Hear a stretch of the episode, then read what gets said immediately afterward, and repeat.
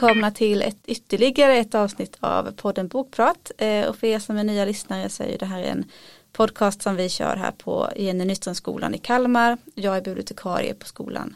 Och idag har jag en gäst med mig som faktiskt inte jobbar på skolan utan det är ju en av vår, em, våra eminenta bokhandlare här i stan. Varmt välkommen Peppe. Tack så mycket. Jag har ju en koppling till skolan. Jag har ju inte gått här men eh, jag var faktiskt som första sommarjobb hade jag att flytta hit grejer från Stagg. Just det. När det var nytt. Precis, när det var sprillans nytt. Yes. På 90-talet där någon gång. Ja, 90, vi säger 90. Så det blir Ja, bra. precis. Någon, kanske ett några år in på. Precis. Ja, men då har du ju en koppling, absolut. Ja, det har jag. Mm, mm. Ja, och du jobbar ju på Dillbergs. Ja, men precis. Eh, bokhandelsbiträde är väl min officiella titel.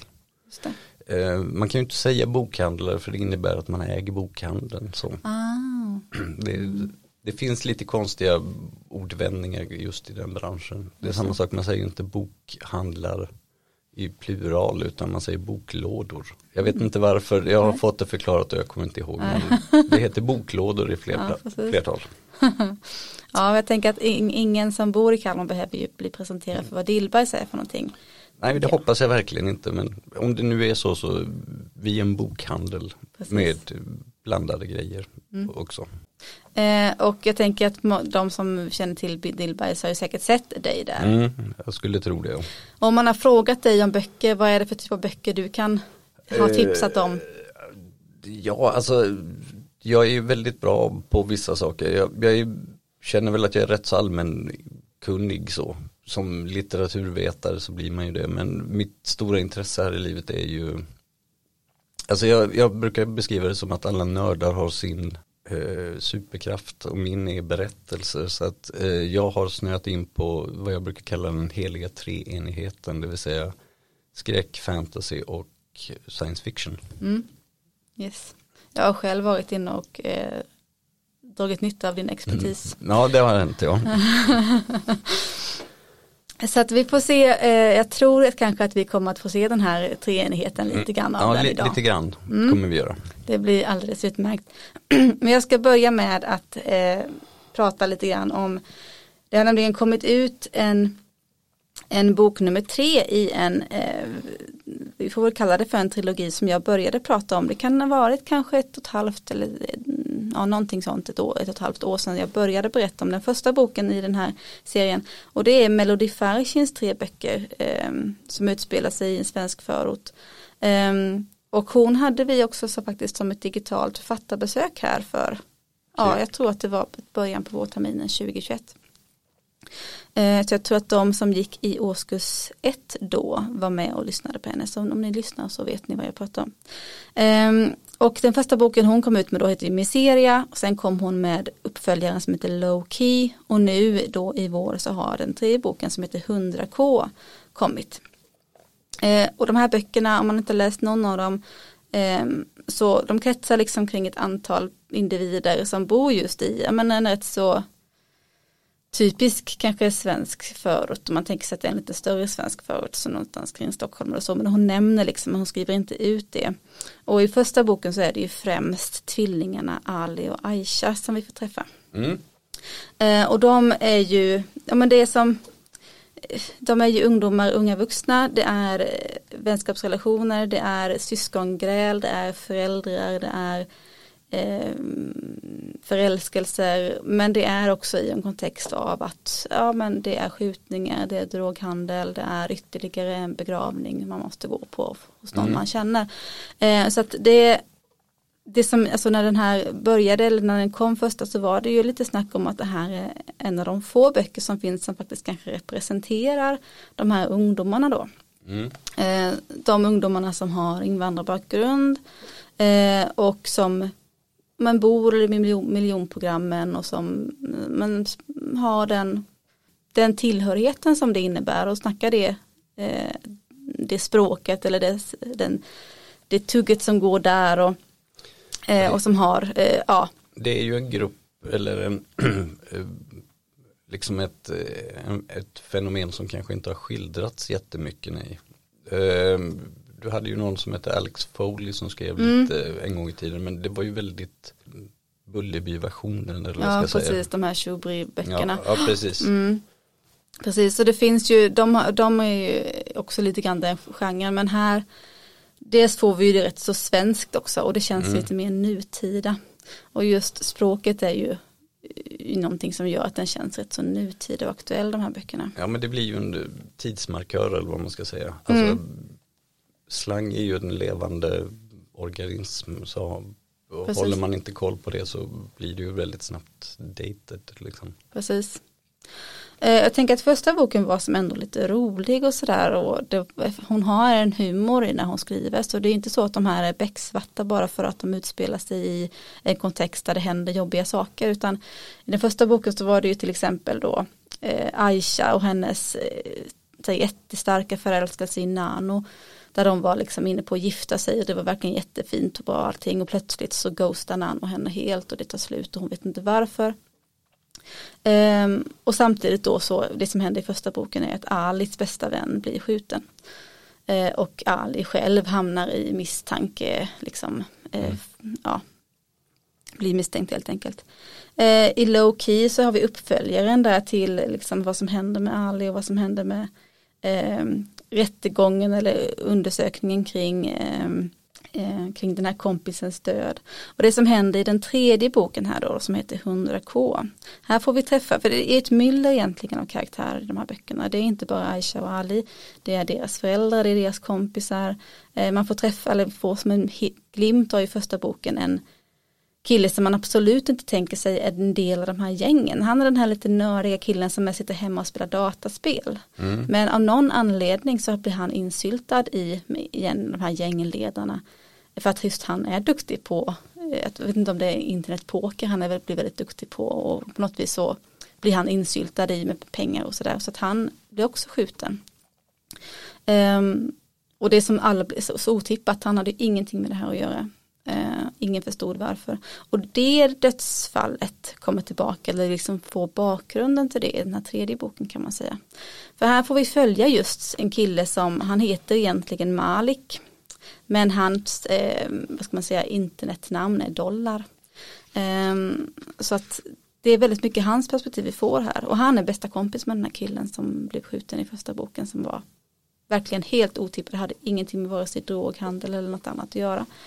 Um, och plötsligt är han liksom ensam, han har liksom, det var varit de två, han och Malik och plötsligt är han ensam kvar. Och han är ju den här lite utomstående, har aldrig haft någon status, aldrig haft, fått någon respekt, varit rätt så rejält mobbad i skolan.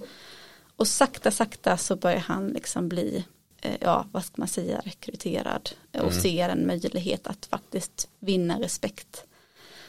Um, och vad det då kulminerade i, i den här boken. Hur, hur pass eh, realistiska känner du att den är nu? blir det ju lite konstigt eftersom jag misstänker att ingen av oss är uppväxt i ett miljöprogram. Men alltså känner du att det här är en rätt bra nedslag i? Ja, det tycker jag. Jag känner att för Melody Fashion är ju själv en sån. Mm. Eh, och jag tror hon sa det själv någon gång sådär miljonprogrammets unge eller så. Men att hon, hon kommer liksom från de kvarteren och hon har jag tror att hon har plockat rätt så mycket från vad hon själv har upplevt och sett. Ehm, men hon var också väldigt noga med att de här karaktärerna skulle kunna vara lite vem som helst. Och hon har varit väldigt noga med liksom namnval, hon har aldrig angett varifrån, vilka länder eller kulturer de här karaktärerna eller familjerna kommer ifrån. Så de ska vara väldigt allmängiltiga på det viset. Ehm, och eh, vad gäller språket så tycker jag att hon är, där har man inte heller så mycket att jämföra med.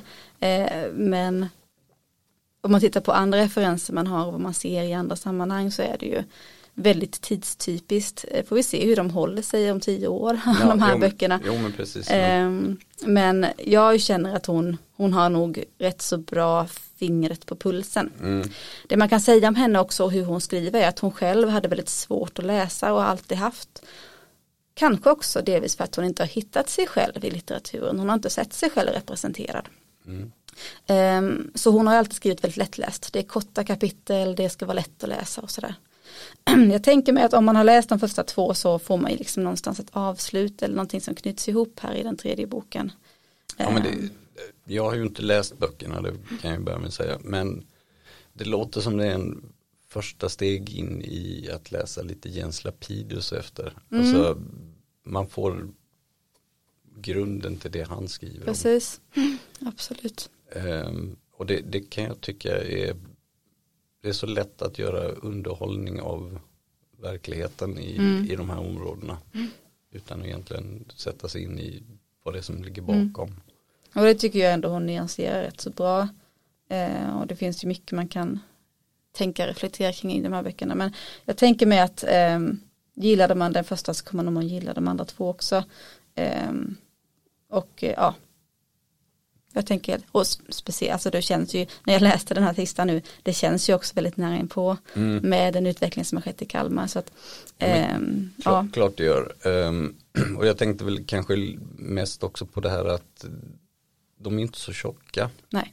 Uh, är man inte den typen som vill ha en brutal tjock uh, episk roman så är det ju mm. rätt bra att ha den sortens litteratur mm. också precis. Nej men den är verkligen, de är verkligen perfekta för de som eh, inte är vana läsare om man mm. säger så. Det är de verkligen. Ja. Yes, Melody Farchins trilogi alltså. Det är ju det som är lite spännande tycker jag med, med litteratur, att man får en chans att se andra vyer, eller vad jag ska säga. Precis.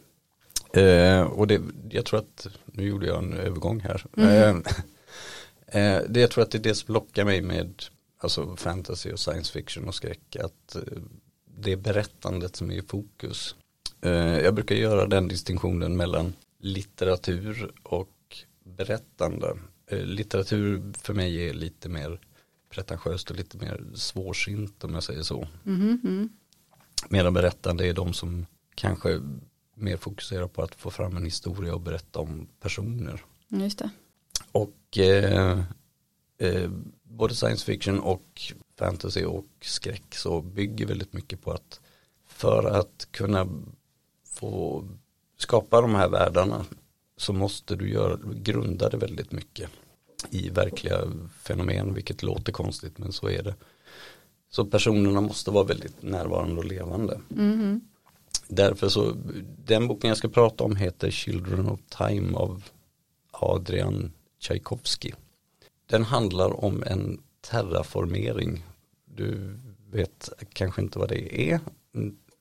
Men det är alltså att man tar igen på en planet för att den ska bli beboelig av mänskligt liv så sätter man in eh, flora och fauna. Mm, mm. Så, att den blir, så att det blir ett eget ekosystem i den. Eh, och den boken börjar så har man då hittat en planet som är lämplig och man har sett till att det finns växter så det finns syre. Och så har man då tänkt att man ska sätta dit apor. Eh, man har gett ett virus som då ska främja positiva egenskaper som samarbete och så, så att evolutionen ska gå fortare. Eh, samtidigt så har det då i vårt samhälle blivit en maktkamp mellan de som anser att man inte kan leka gud med sådana här fenomen. Så precis när de ska släppa ner de här aporna så eh, blir det en revolution på den här lilla rymdbasen. Mm. Och eh, eh, skeppet med aporna börjar brinna. Så aporna dör allihopa. Men allt dör inte på den här lilla podden som de skickar ner utan eh, det som överlever är spindlarna som har samma virus i sig mm. och börjar evolvera då. Eh, så det är ena halvan av boken. Den andra halvan är mänsklighetens fortsatta kamp för att ta sig ut i stjärnorna igen. Alltså den här revolutionen drabbar hela världen och mänskligheten går tillbaks till någon form av medeltid och börjar bygga upp igen. Så det går ett par tusen år mm. innan de börjar ge sig ut igen. Och eh, den här planeten som det handlar om eh, ligger så långt borta att eh, man kan inte åka dit som eh, under en livstid så de fryser ner sig på vägen. Och då kommer vi in i nästa, eller i nästa sånt här fackterm och det är generationsskepp. Eh, och det är ju då alltså att man sådana här långfärder helt enkelt eh, har en generation på generation. Alltså de, det finns de som föds och lever hela livet på skeppet. Bara för att tjäna skeppet för att man ska komma fram. Eh, och eh, de sociala spelen som uppstår på vägen helt enkelt. Och sen är det ju då huvud, eh, skeppets huvudbesättning är frysta så de växer upp var tusende år eller någonting och så kollar de av lite så. Eh, och när de väl kommer fram så är det ju inte det de förväntar sig där. Eh, och det ska vi väl kanske inte gå in jättemycket på men Inte spoila för mycket. Nej men precis. Ehm, och det, det är en rätt tjock klump men det var en sån här bok som när jag läste den så efteråt så gick jag och funderade rätt mycket på just det här att eh, är det det som är lösningen om vi ska ge oss ut i, i rymden någonstans att liksom odla fram en fam, familjer som vars enda jobb kommer vara att vara alltså som, som det beskrivs i boken så blir de ju generation efter generation av folk som är bra på att laga liksom skeppets struktur. Det är det enda de kan för de behöver inte lära sig mer. Däremot är de väldigt bra på det men det, det blir liksom som en slavras eller vad jag ska säga. Mm. Eh, och så just det här att vakna upp var tusende år och det är alltid nya människor. Eh, man kanske känner igen vissa drag för att det är familjer som men ändå så det enda som någonstans är det enda konstanta är de här andra tio som vaknar Mhm. upp samtidigt så, så att alltså det är frågan vad är vi beredda att offra Mm. på något sätt. Mm, Spännande koncept. Ja men det är det. Eh, Det är också ett, ett stort koncept just nu inom science fiction det här med generationsskepp. Eh, Men det är inte så nytt. Nej. Eh, Det har hängt med egentligen sen Harry Martinsons Aniara som har lite av samma. Mm. Det är väl också en grej med de här tre genrerna att de är rätt så nya.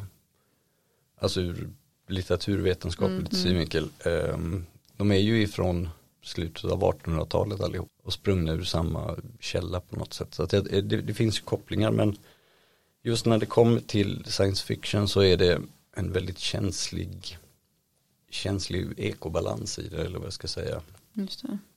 Eh, det som är bra är bra och det som är dåligt är jättedåligt. Det, det är verkligen så.